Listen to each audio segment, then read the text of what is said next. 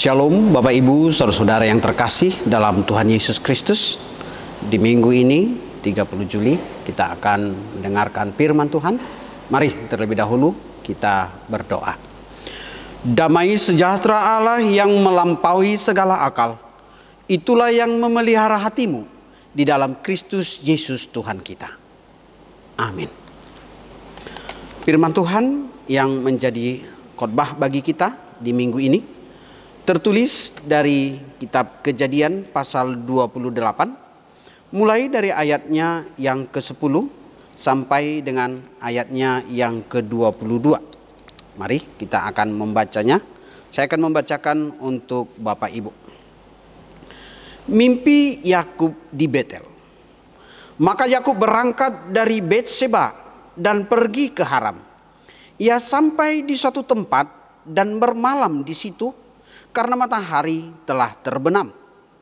Ia mengambil sebuah batu yang terletak di tempat itu dan dipakainya sebagai alas kepala, lalu membaringkan dirinya di tempat itu. Maka bermimpilah ia. Di bumi ada didirikan sebuah tangga yang ujungnya sampai ke langit, di langit dan tampaklah malaikat-malaikat Allah turun naik di tangga itu. Berdirilah Tuhan di sampingnya dan berfirman, Akulah Tuhan Allah Abraham, nenekmu dan Allah Ishak. Tanah tempat engkau berbaring ini akan kuberikan kepadamu dan kepada keturunanmu Keturunanmu akan menjadi seperti debu tanah banyaknya dan engkau akan mengembang ke sebelah timur, barat, utara, dan selatan. Dan olehmu serta keturunanmu semua kaum di muka bumi akan mendapat berkat. Sesungguhnya aku menyertai engkau dan aku akan melindungi engkau ke mana pun engkau pergi, dan aku akan membawa engkau kembali ke negeri ini. Sebab aku tidak akan meninggalkan engkau, melainkan tetap melakukan apa yang kujanjikan kepadamu. Ketika Yakub bangun dari tidurnya, berkatalah ia, "Sesungguhnya Tuhan ada di tempat ini, dan aku tidak mengetahuinya." Ia takut dan berkata, "Alangkah dahsyatnya tempat ini. Ini tidak lain dari rumah Allah. Ini pintu gerbang sorga." Keesokan harinya, pagi-pagi Jakub mengambil batu yang dipakainya sebagai alas kepala dan mendirikan itu menjadi tugu dan menuang minyak ke atasnya. Ia menamai tempat itu Betel. Dahulu nama kota itu Lus. Lalu bernazarlah Yakub, jika Allah akan menyertai dan akan melindungi aku di jalan yang kutempuh ini, memberikan kepadaku roti untuk dimakan dan pakaian untuk dipakai, sehingga aku selamat kembali ke rumah ayahku maka Tuhan akan menjadi Allahku. Dan batu yang kudirikan sebagai tugu ini akan menjadi rumah Allah. Dari segala sesuatu yang engkau berikan kepadaku akan selalu kupersembahkan sepersepuluh kepadamu. Demikian pembacaan firman Tuhan. Bapak ibu saudara yang terkasih, sungguh Nats firman Tuhan pada minggu 30 Juli ini mengingatkan kepada kita tentang penyertaan dan pemeliharaan Tuhan. Nah, apa sebenarnya yang ingin disampaikan oleh kitab Kejadian pasal 28 mengenai kisah Yakub ini? Tentu agak sedikit unik ya. Kalau orang Batak mengatakan ada lagu Nipido Saluhu Nai gitu ya Kadang-kadang seolah-olah mengatakan bahwa yang terjadi ini akan segera berlalu. Bahkan mungkin juga akan dilupakan. Tetapi bukan. jika sesuatu sedang kita alami itu tidak lepas dari perhatian dan penyertaan Tuhan. Nah, oleh karena itu apa yang mau kita lihat? Yang pertama, Yakub berangkat dari tempat tinggalnya, rumahnya karena ada satu kesalahan yang telah dia lakukan, yaitu dia telah menipu abangnya Esau dan juga ayahnya sehingga dia berkata dia sebagai Esau, ayahnya memberkatinya. Nah, itulah yang menjadi topik persoalan Yakub sehingga dia harus meninggalkan rumah ayahnya. Nah, ketika dia meninggalkan rumah ayahnya, tentunya karena dia takut untuk mengalami siksaan atau bahkan pembunuhan dari abangnya Esau. Tentu ini bisa menjadi pengalaman kita secara pribadi ketika kita punya pergumulan, persoalan di rumah tangga, di keluarga, mungkin ada terpikir bagi kita untuk meninggalkan rumah atau berpisah. Namun apa pun yang kita alami, jika Tuhan menjadi sumber pertolongan siapa pun dia, maka Tuhan tidak akan pernah meninggalkannya. Ini yang harus kita sadari Bapak Ibu. Dan di saat itulah proses demi proses akhirnya Jakub mengakui. Di ayat yang terakhir yang kita baca tadi dikatakan dan batu yang kudirikan sebagai tugu ini akan menjadi rumah Allah. Dari segala sesuatu yang engkau berikan kepadaku akan selalu kupersembahkan sepersepuluh kepadamu. Jika Tuhan selalu menyertai aku. Nah ini menjadi sebuah seruan bagi kita. Walaupun teks ini sebagai pengalaman iman dari Yakub. Kenapa? Kita ingat bahwa Allah telah berjanji menepati janjinya kepada Abraham. Sampai akhirnya Abraham melahirkan anak di usia yang sudah tua. Dan berkat itu mengalir. Setelah itu kembali lagi kepada anak dari Abraham Ishak. Nah sekarang janji Tuhan itu harus digenapi melalui Yakub. Itulah yang membuat kita harus melihat proses ketika Yakub meninggalkan rumahnya dan pergi hendak ke rumah pamannya Silaban itu adalah sebuah proses perjalanan iman.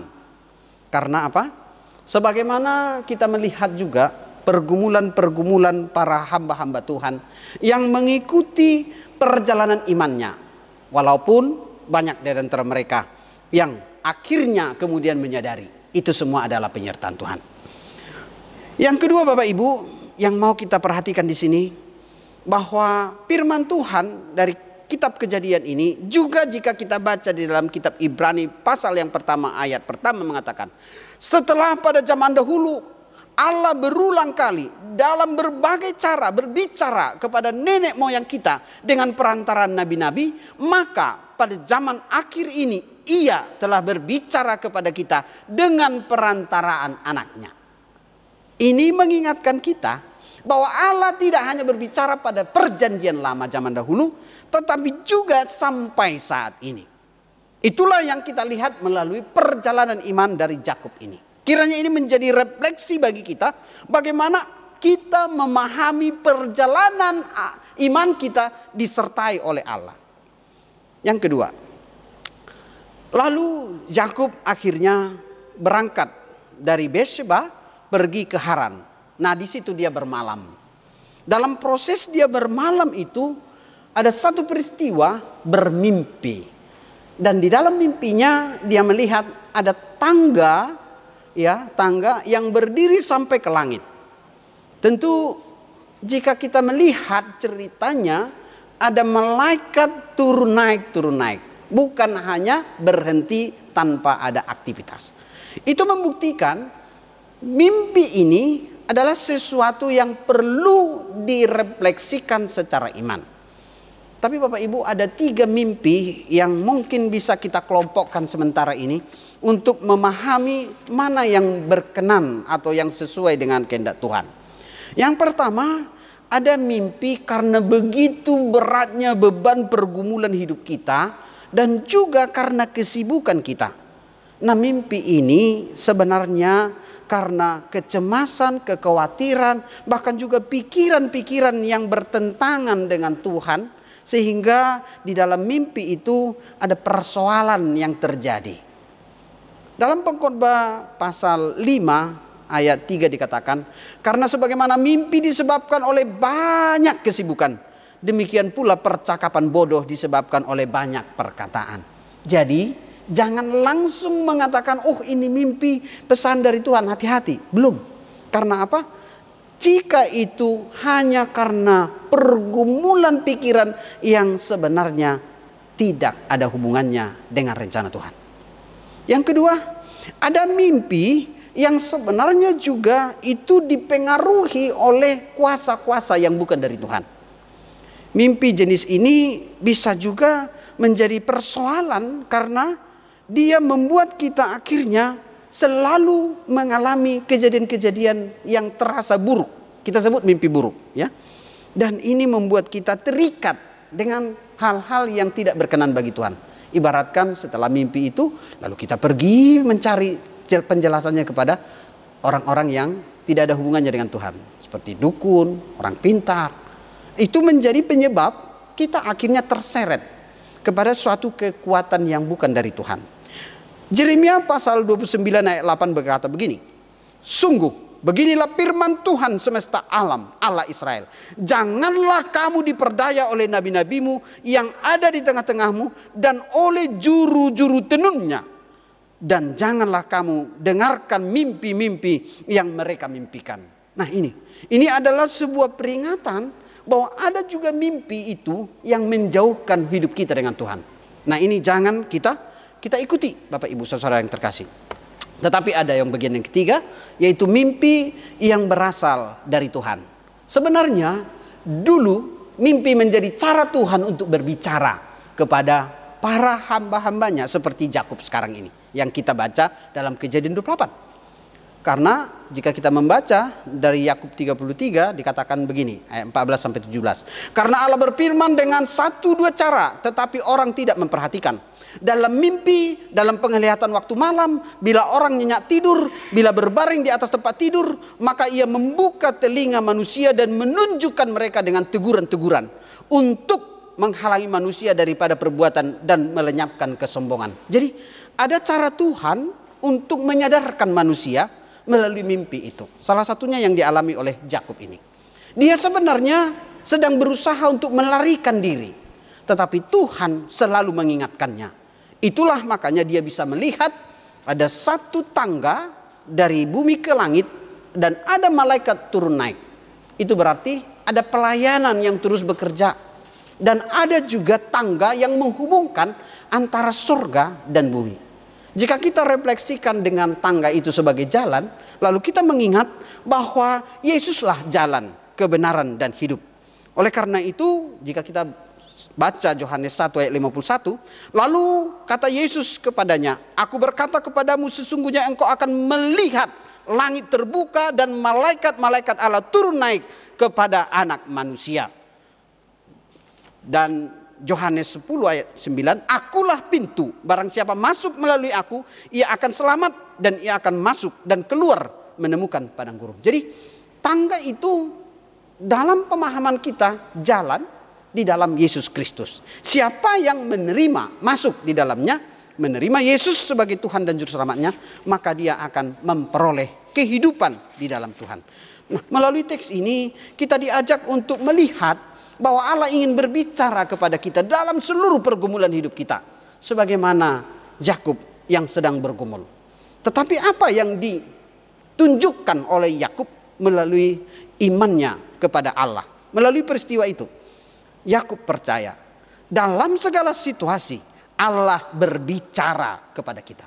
Allah bisa berbicara melalui suaranya, tetapi Allah bisa berbicara melalui kejadian-kejadian yang kita alami dan Allah bisa berbicara melalui mimpi. Sebab Allah lah yang menginisiatif. Allah lah yang menjumpai Yakub. Allah lah yang berbicara bahkan menunjukkan kejadian itu, mimpi itu kepada Yakub. Apa respon Yakub? Lalu dia katakan, aku telah melihat sesuatu yang datangnya dari Tuhan.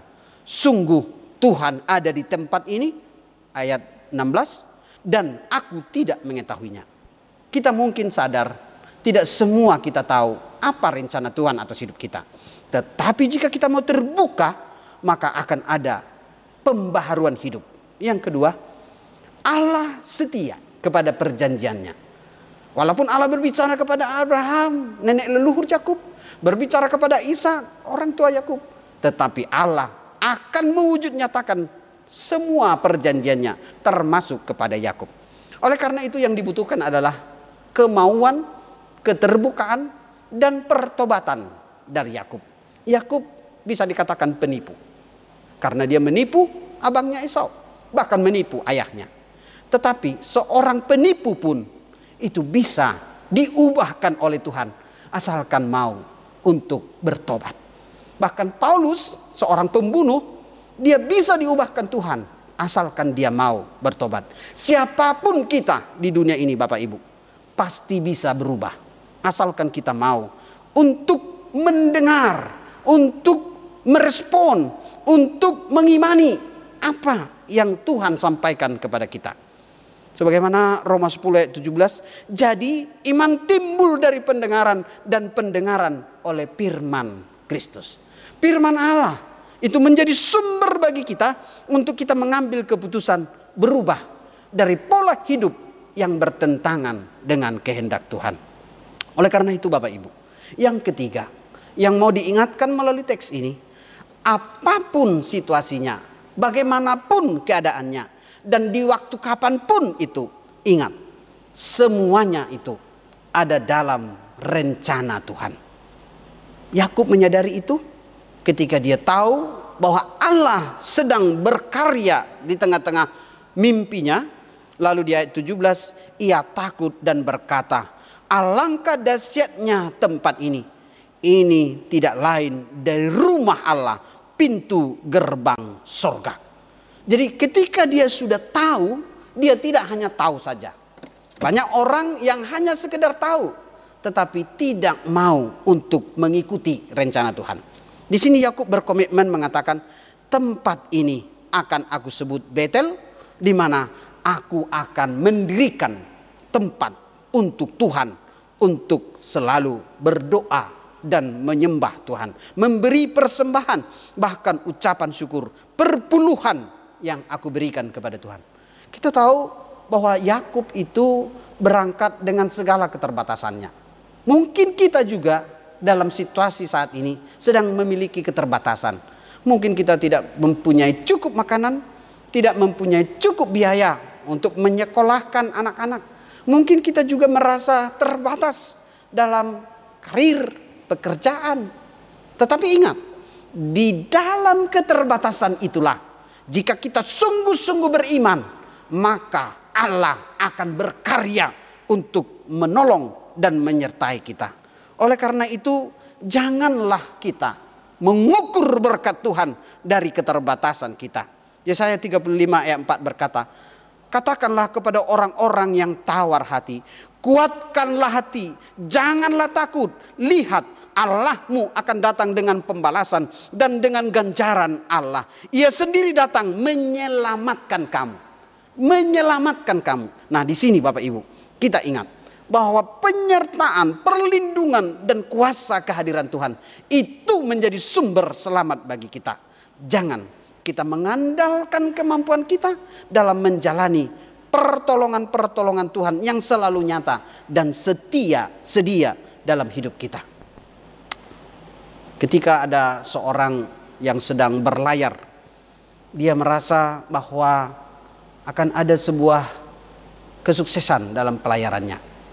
Jika kita mendengar ada para atlet renang e, ingin menikmati keberhasilan mereka setelah mereka melaksanakan sebuah event, lalu ketika mereka akan pergi ke seberang pulau, mereka menyeberang dengan kapal bersama dengan rombongan. Jadi ada rombongan yang lain juga ikut. Nah, ketika rombongan yang lain ini adalah rombongan uh, orang tua dari satu persekutuan menikmati liburan, mereka juga merasa ah sudah kami aman di sini ada para atlet renang. Lalu karena begitu asiknya rombongan Bapak Ibu yang ikut wisata ini, mereka merasa ah tidak perlu was-was. Akhirnya karena terhanyut dengan selfie-selfie, ada satu orang terjatuh ke dalam air ya dari kapal. Lalu para rombongan ini berkata, "Tolong, tolong. Itu ada yang jatuh." Sinakoda melihat, "Wah, ini bahaya. Kenapa ada orang jatuh? Berarti mereka tidak tidak hati-hati. Mungkin juga karena terlalu asik menyelami dirinya sendiri. Tetapi kan ada atlet. Tolong para atlet, bantu dong renang, ambil atau selamatkan. Tapi mereka juga tidak langsung ber, bertindak.